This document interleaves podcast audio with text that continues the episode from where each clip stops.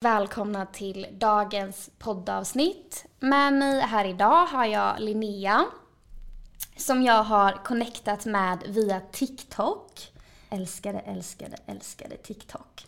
Det är ändå världens bästa mötesplats för oss med ADHD.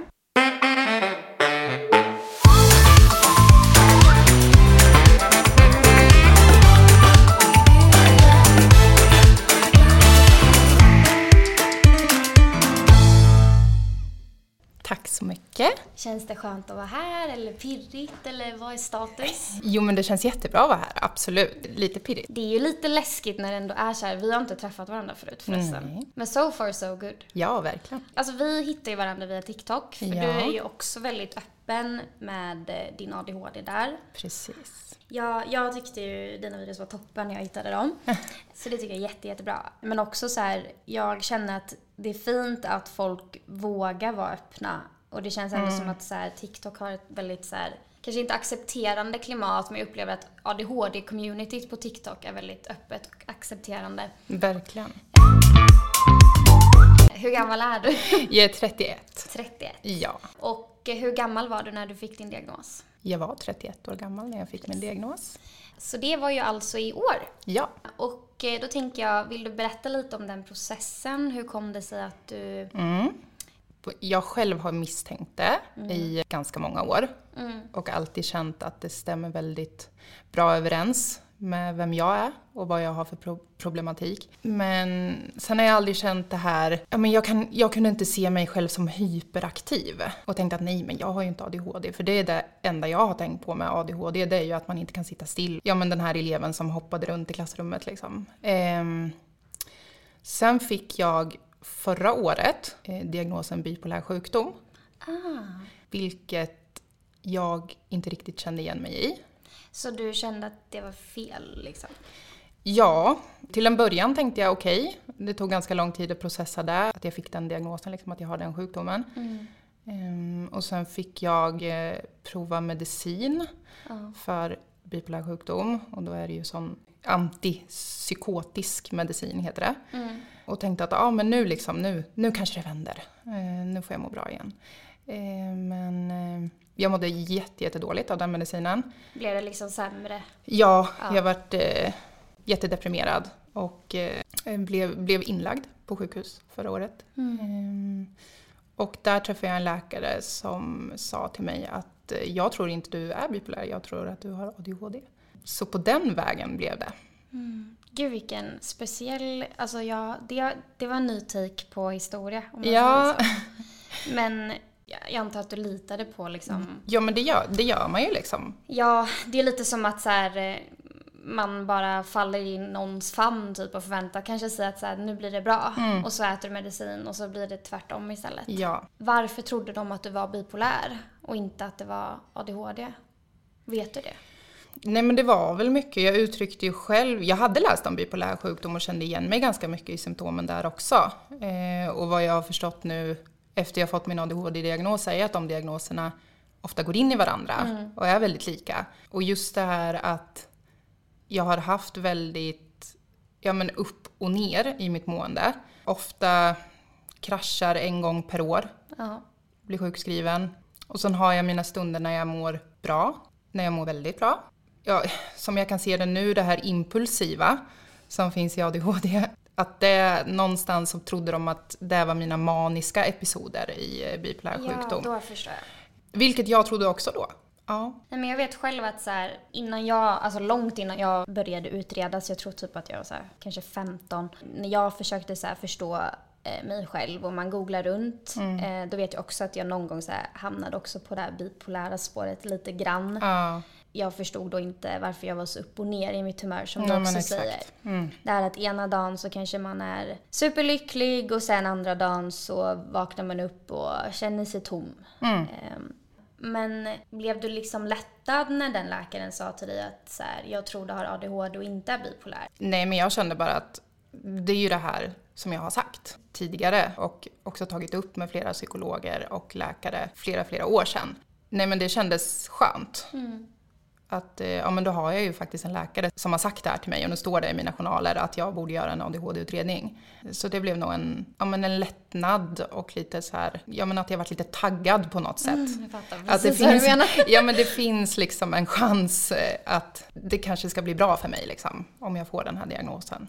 För så var det också för mig att så här, aha, om, om det är så att det är ADHD som är problemet, då mm. betyder ju det att jag äntligen har typ nästan en label på liksom ja, att så här, ja men precis. Det är det här det är Amalia ja. och inte någonting annat. Jag blir också intresserad när du liksom pratar om att du själv har tagit upp det så många gånger förut. Mm. Känner du att du behövt stångats med vården? Ja. Det har varit kämpigt? Ja, verkligen. Eh, och framförallt när jag har nämnt det så många gånger att jag, jag tror att det är någonting. Jag var inne på ADD, men ADHD, mm. eh, Asperger trodde jag ett tag. Alltså, mm. vet, man, blir, och då, man blir så besatt av det. Ja. Sitter och söker och bara känner att nej, men det, det, är någonting. Liksom. Och sen så var det liksom som att vården liksom bara, ja ja, nej, det är personligheten. Det är, du är deprimerad, du har ångest. Jo, absolut, det hade jag ju med liksom. Men, men det kanske beror på någonting. Ja. Liksom. Nej, jag blir jag blir förbannad ofta mm. när jag eh, sitter i de här samtalen. För att jag märker att eh, det många av oss har gemensamt är ju att man har eh, stångats med vården mm. på det ena eller det andra sättet jag kan verkligen se hur det är så många som eh, mår dåligt, både fysiskt och psykiskt och letar efter svar, mm. får inga svar och står liksom tomhänta vid, eh, hos vården. Mm. För att det är liksom ingen som vill besvara frågorna i princip. Nej. Men om man bortser då från att det varit en tuff process så måste det mm. vara jätte, jätteskönt att det äntligen liksom är klart. Ja, verkligen det var verkligen en lättnad. Mm. Eh, ja men som många säger det här att man, man får en förståelse för sig själv. Mm. Samtidigt så blev jag också ja, men ledsen för att jag kände att varför är det ingen som har sett det här tidigare?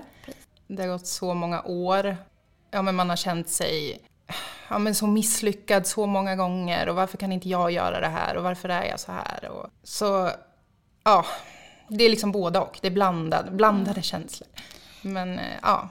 Ja, det blir ju en liten sorg skulle jag säga. Mm. För min del var det i alla fall, det har varit lite som ett sorgarbete. Mm. Att jag är liksom, som du också säger, så här, lättad över att jag förstår mig själv nu och att man vet att så här, ja, det är så här det ligger till. Men det känns lite som förlorade år kan jag ibland tycka. Ja. Sen är det ju såklart inte förlorade år heller för att jag har haft ett bra liv med men det känns ju som att livet hade kunnat vara tusen gånger lättare. Mm, eh, verkligen.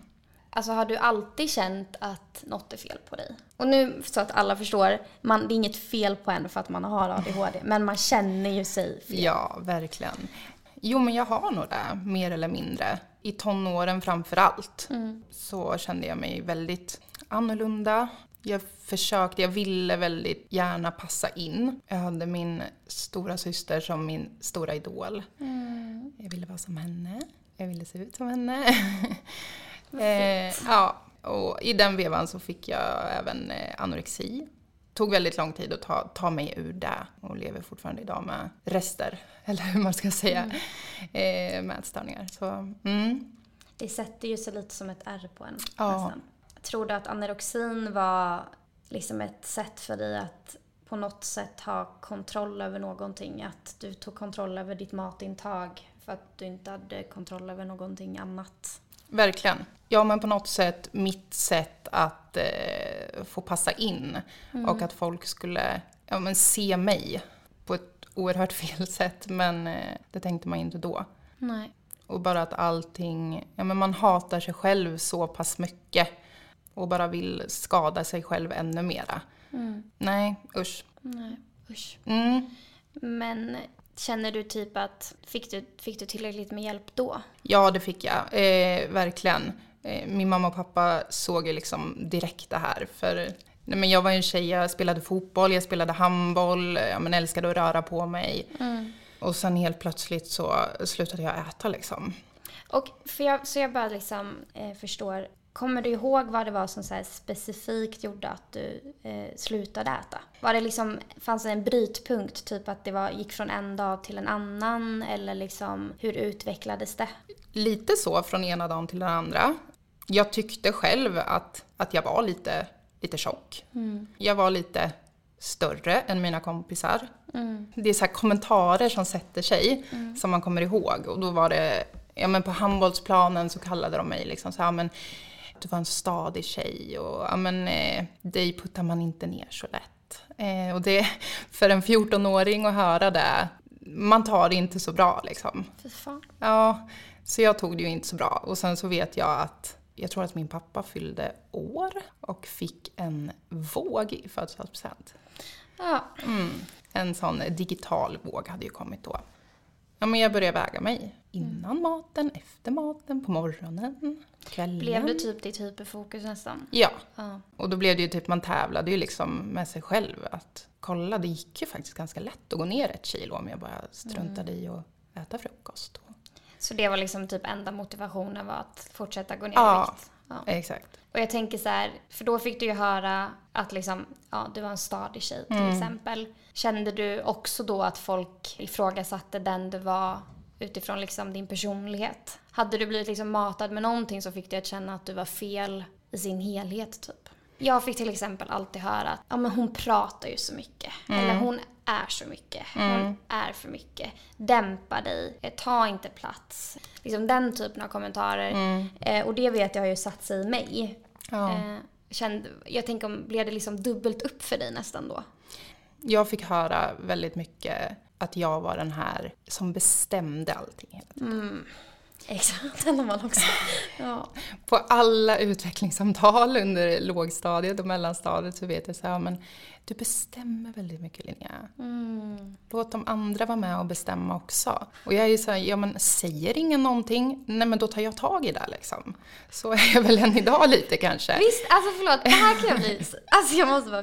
Trots, nu är det väldigt seriöst, men jag måste faktiskt flika in här. Det här tycker jag är så roligt, för att så här har jag också känt så länge att man får höra att så här, ja men var inte så bossig. Nej. Man bara, men det är för att alla andra sitter tysta Ja, och visar ju inte vad de vill. Om jag också sitter tyst, alltså vad händer då? Det Ja. blir inget gjort. Nej, exakt.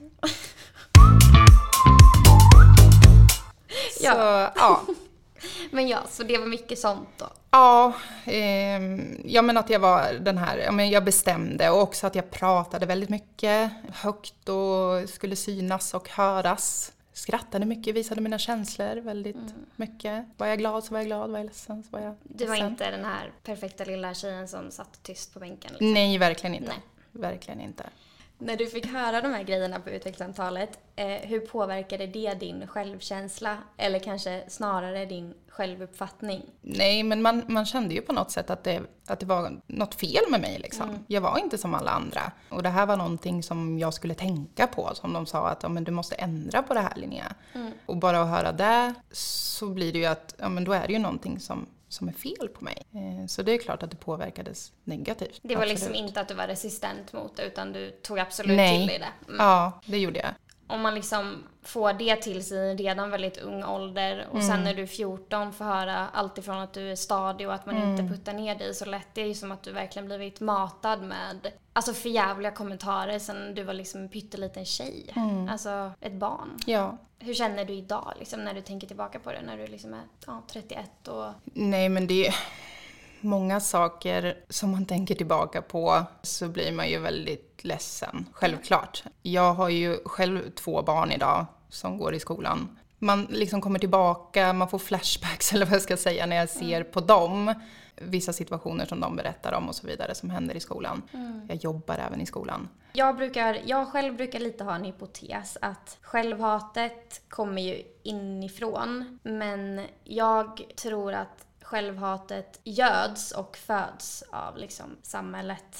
Jag hade önskat att folk hade kanske kunnat ha lite mer så här lugn inställning eller så mer öppen accepterande inställning kanske mot barn som, ja, är lite mycket då. Mm, verkligen. Din skolgång, den var ju tuff då. Och jag tänker, blev det någonsin bättre eller blev det sämre med tiden? Hur var det till exempel när du hamnade i puberteten? Ja, men det var ju i den vevan som jag fick anorexin.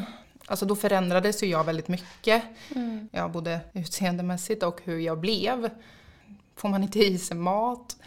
Och näring så blir man ju som en annan människa. Jag, du måste varit jättetrött. Ja, gud ja. Alltså jag orkade ju inte gå i skolan i princip. Eh, jag var väldigt mycket hemma. Eh, min mamma fick sjukskriva sig för att vara hemma med mig. Mm. Man, man orkade ju ingenting. Jag var ju inte med kompisar, jag kunde inte spela handboll. Jag låg i princip i min säng hela tiden. När jag ja, men blev bättre, jag, fick, jag, jag började gå hos BUP. Mm. För mamma och pappa snappade ju upp väldigt tidigt att det var någonting som var fel. Liksom. Och då tog det väl ungefär två år innan jag var liksom, som man ser det, viktmässigt frisk. Då hade ju jag hamnat ganska mycket efter. Alltså mina kompisar var ju eh, ja, men hade börjat vara ute sent på helgerna medan ja, jag hade suttit hemma. De hade börjat få lite mer tonårsliv liksom. Exakt. Och då kände jag bara att, nej men gud, det här har jag missat. Mm. Så då gick ju jag bananas och liksom körde all in. Du skulle ta igen förlorad tid. Ja. ja. Idag, hur stor inverkan tror du eh, ADHD hade på anorexin? För det man kan se är ju att väldigt många med ADHD mm. Eh, drabbas av anorexi. Ja. Kan du liksom put those two together eller inte hade med varandra att göra? Nej, men jag tror att det hade med varandra att göra, absolut. Mm. Eh, definitivt. Och när jag har insett liksom att, eller läst mycket, när jag läste på mycket om ADHD, att man ofta har en ätstörning eller anorexi, att det är vanligt mm. som kvinna framförallt, eller tjej, tillsammans med en ADHD-diagnos. Mm. Så ja, absolut, det tror jag. Ja, för jag tänker att liksom det bottnar i det här med kontroll. Mm. Jag hade jättemycket besvär med mat och ångest. Eh, från att jag var 14 till 17 ungefär. Mm.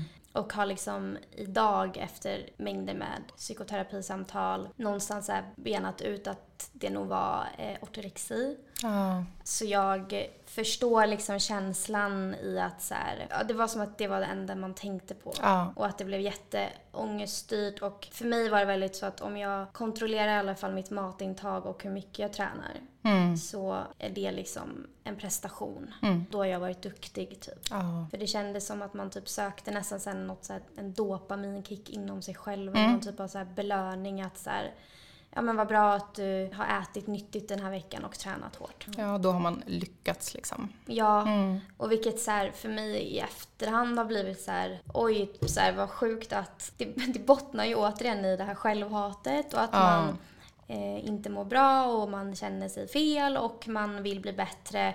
Och att det känns som att man liksom försöker hitta någonting att här, gripa jättemycket tag mm. om. Men det blir ändå ett till självhat egentligen. Mm. Det blir som ett lager på lager att mm. nu ska jag skada mig själv. Är det för att vi behöver ha kontroll över någonting. Alltså jag kan ju känna igen mig i det, absolut. Jag har ju nästan alltid någonting för mig som jag kontrollerar på ett eller annat sätt. Som jag behöver liksom ha fokus kring. Ja, för det känns som att så här, är det inte det ena så är det det andra. Att man ska liksom haka upp sig på någonting mm. som liksom är någon typ av så validation för en själv. Att så här, som visar på att om du, av, om du klarar av det här och om du gör det här, då är du duktig. Mm, verkligen. Och det är så jäkla sorgligt egentligen. Ja, och väldigt eh, påfrestande. Och destruktivt. Ja, extremt.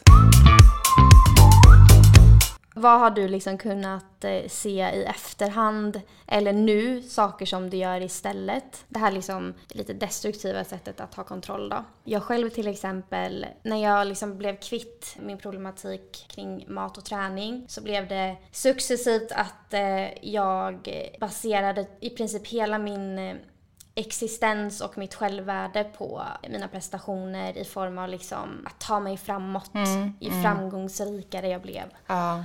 Inte för att jag var framgångsrik, men det var liksom min enda strävan typ. Ja. Att så här, bli bättre, ta mig framåt, springa mm. i 180. Jag hade mm. jätte, jättebråttom och trodde typ att en 20-åring måste ha typ ett toppjobb. Mm, mm. Jag fick så väldigt skeva ideal och uppfattningar och det var i alla fall som att enda sättet för mig att så här, styra mitt självhat, det var att hitta belöningar i form av att så här, den här prestationen åstadkom du. Mm. Eh, du kom in på den här skolan mm. så du är tillräckligt bra. Eller du fick den här praktikplatsen, du fick det här jobbet, du har lyckats spara ihop så här mycket pengar. Och för mig blev det ju till slut så pass mycket att jag blev utbränd. Ja. Och det har jag ju förstått att du också blivit. Ett par gånger. Ett par gånger, exakt. Ja. Och vad är det som gör att du då springer för fort och blir utbränd? ja, men det är många olika saker. Men senast som har varit en sån här grej som, eh, ja men det är min typ hatkärlek. Löpning. Mm. Jag älskar att löpa. Jag ser mig själv som en löpare. Och det får mig att må bra. Eh, men jag har ju så svårt att liksom kontrollera på en lagom nivå. Att jag ska träna på en lagom nivå. Och det är ju också någonting jag tänker eh, för oss som har ADHD, det här med 100% eller 200% eller inget liksom. Mm.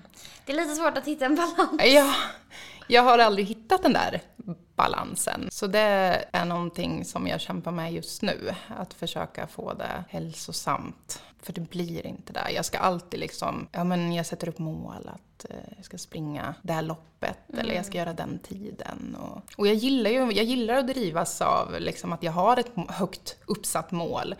Men sen kommer det en dag när jag inte drivs av det utan att det bara blir stressigt och till slut så pallar man inte liksom. Ja, och att det blir eh, så jäkla ångestfyllt kan jag tycka. Ja, Alltså jag vet inte, för mig har det varit lite, jag upplever typ att så här, man, man har typ en vision. Alltså du vet att man kan så här, ligga typ i sängen och ha en tanke och så tänker man att ja, men det här löser vi på en vecka. mm. För att man har ADHD och tänker att ja, ja. det här går på räls liksom. Ja, och det ska hända nu och det ska hända snabbt. Ja, och sen så kanske man inte gör liksom alla uträkningar korrekt. så det kommer då lite käppar i hjulet. Och då tycker jag att det är jättesvårt att finna mig i det och liksom acceptera typ att så här, allt går inte jättebra alltid. För där känner jag att jag jämför mig väldigt mycket med eh, andra. Att jag, min uppfattning är att alla andra går det jättebra för. Ja, gud ja. Man tänker så. Ja. Sen vet man ju innerst inne nu när man är liksom vuxen och Ja, jo. så här att absolut, alla mår piss. Typ. Nej men gud. Men många, har- alltså ingen har det ju lätt. Men för mig blir det verkligen, alltså jag tänker att det är bara jag som inte klarar av saker. Ja, men så, absolut. Så Ja. tänker jag med. Att ha, att ha ett liv, känner jag så här. Att ha en vardag. Eh, gå till jobb, klara av det. Ja, men kunna prestera på jobbet också. Man ska vara glad och man ska vara check och man ska, ja, eh, och sen ska det hämtas barn och det ska lagas mat och det ska, ja men alltså så här, nej. I mitt huvud går inte det ihop. Eh, och jag är jättetacksam att jag har min sambo som styr upp hela mitt liv, typ. Ja, för att det ska jag faktiskt vara ärlig om. Att när du sa till mig att du har barn, Ja. då tänkte jag Herregud. För, Stackars barn. nej, absolut inte. Du verkar som en jättebra person. ja, tack. En grej som har varit med min utredning då det varit så här att läkare och psykiatriker varit så här, ja men vad är det du vill ha hjälp med? Eller vad är det som gör att du känner att di- ditt liv inte funkar? Då har en av mina farhågor varit att så här, hur ska jag kunna bli förälder? För att jag inte känner att jag får ihop mitt liv när jag ska ta hand om bara mig själv. Nej. Hur har du löst det här? Alltså den biten. För att jag vet att väldigt många med ADHD blir tydligen att det kan vara väldigt sunt att få barn. Ja. För att man kan liksom lägga fokus på en, ett annat liv liksom. Ja, absolut. Eh, nej men jag blev, blev ju mamma väldigt, eller väldigt, men tidigt. Jag var 23. 23, yes. Eh, Ja, då är du, då, då är ju de, hur gammal är den äldsta då? Ja, de är 8 och 6. 8 och 6. Mm. Eh, så det var ju eh, inte riktigt planerat. så. Men det blev ju jättebra, absolut. Men eh, alltså det... Till en början så var det ju kaos alltså. Mm. Är det samma partner? Ja. Ja, Ja. Mm. Så det, alltså det, var- det var ju så här förlossningsdepression och hej och hå. Och, men eh, nej men man, det är klart, alltså man löser det ju. Hade jag löst det själv? Det tror jag inte. På ett eller annat sätt absolut, det hade man väl. Men eh, alltså min sambo är helt fantastisk. nej men han ställer upp så mycket. Fint. Ja, och eh, gör saker för att underlätta för mig Han hela ser tiden. dig liksom. Ja, verkligen. Gud vad skönt. Ja, så det är väldigt tacksam över. Ja, det är ju allt. Ja, och att vi har väldigt bra människor runt omkring oss som ställer upp och hjälper till. Så. Och ja. känner du att ni har liksom en bra kommunikation? Att liksom du kan förmedla eh, dina känslor och liksom det som är dels liksom Linnea och din personlighet men det som också är ADHD? Jo men eh, det tycker jag. Mm. Och jag var ju, alltså vi har, vi har varit tillsammans i tio år nu. Och när vi träffade varandra så var det ju nästan första året så märkte ju han liksom att jag är inte helt stabil i mitt mående. det går lite upp och ner. Mm. Jag har lite problem. Jag och mitt ex, vi, vi funkade liksom jättefint och så eh, för det mesta. Tills liksom att jag tror att vi nådde liksom en liten brytpunkt där kommunikationen inte riktigt funkar typ. Eh, och jag har alltid känt att det varit väldigt svårt att så här, göra mig förstådd. Alltså bland ganska många människor. Att så här, det här är jag och min ADHD och jag funkar på det här sättet. Och det är inte för att jag kanske vill att det ska vara så här. Nej men precis. Och det har jag tyckt varit väldigt så här, kämpigt att så här, göra sig förstådd. Mm. För att jag till exempel, om man så här, utgår från kanske på jobbet. Mm. Att om man så försöker förklara att så det här är lite mycket för mig nu, nu behöver jag en paus. Mm. Jag är så himla rädd att man uppfattas som lat. Och att de utgår från att det är en attityd Mm. och inte ett behov. Exakt. Känner du också igen dig i det? Ja, absolut. Den här, men framförallt den här rädslan att eh, folk ska tänka eller tycka att jag är lat. Mm. Det har man ju fått höra liksom. Det har du fått, alltså folk har sagt till dig Ja, inte, inte på jobbet så, Nej. men eh, absolut. Mm. Och jag har ju tänkt att jag eh, är lat. Mm. Jag orkar ju ingenting. Jag orkar inte diska, jag orkar inte tvätta. Nej men alltså, Men det är också det här typ som är så lite så roligt. Det är att man, man är trött och sliten och orkar inte saker. Samtidigt så är ju personer med ADHD typ de minst lata människorna. ja. Också så här, jag vill typ så säga till folk att så här, hade du varit i min hjärna och hur Ja. mycket den pladdrar, Precis. då hade du blivit lat. Ja. För att all energi går ju åt pladdret typ. Ja, verkligen. Ja men alltså att man, ja, ja, att man så här, är så sjukt rädd för hur man uppfattas. Och det bottnar ju också i det här att man känner sig fel, att man Ja. inte är tillräckligt och herregud vad ska de tycka och tänka nu? Och just det här ska vi prata om i part två. Så glöm inte att lyssna nästa vecka så träffar ni Linnea igen. Tack för att ni lyssnat. Puss och hej! Och gott nytt år!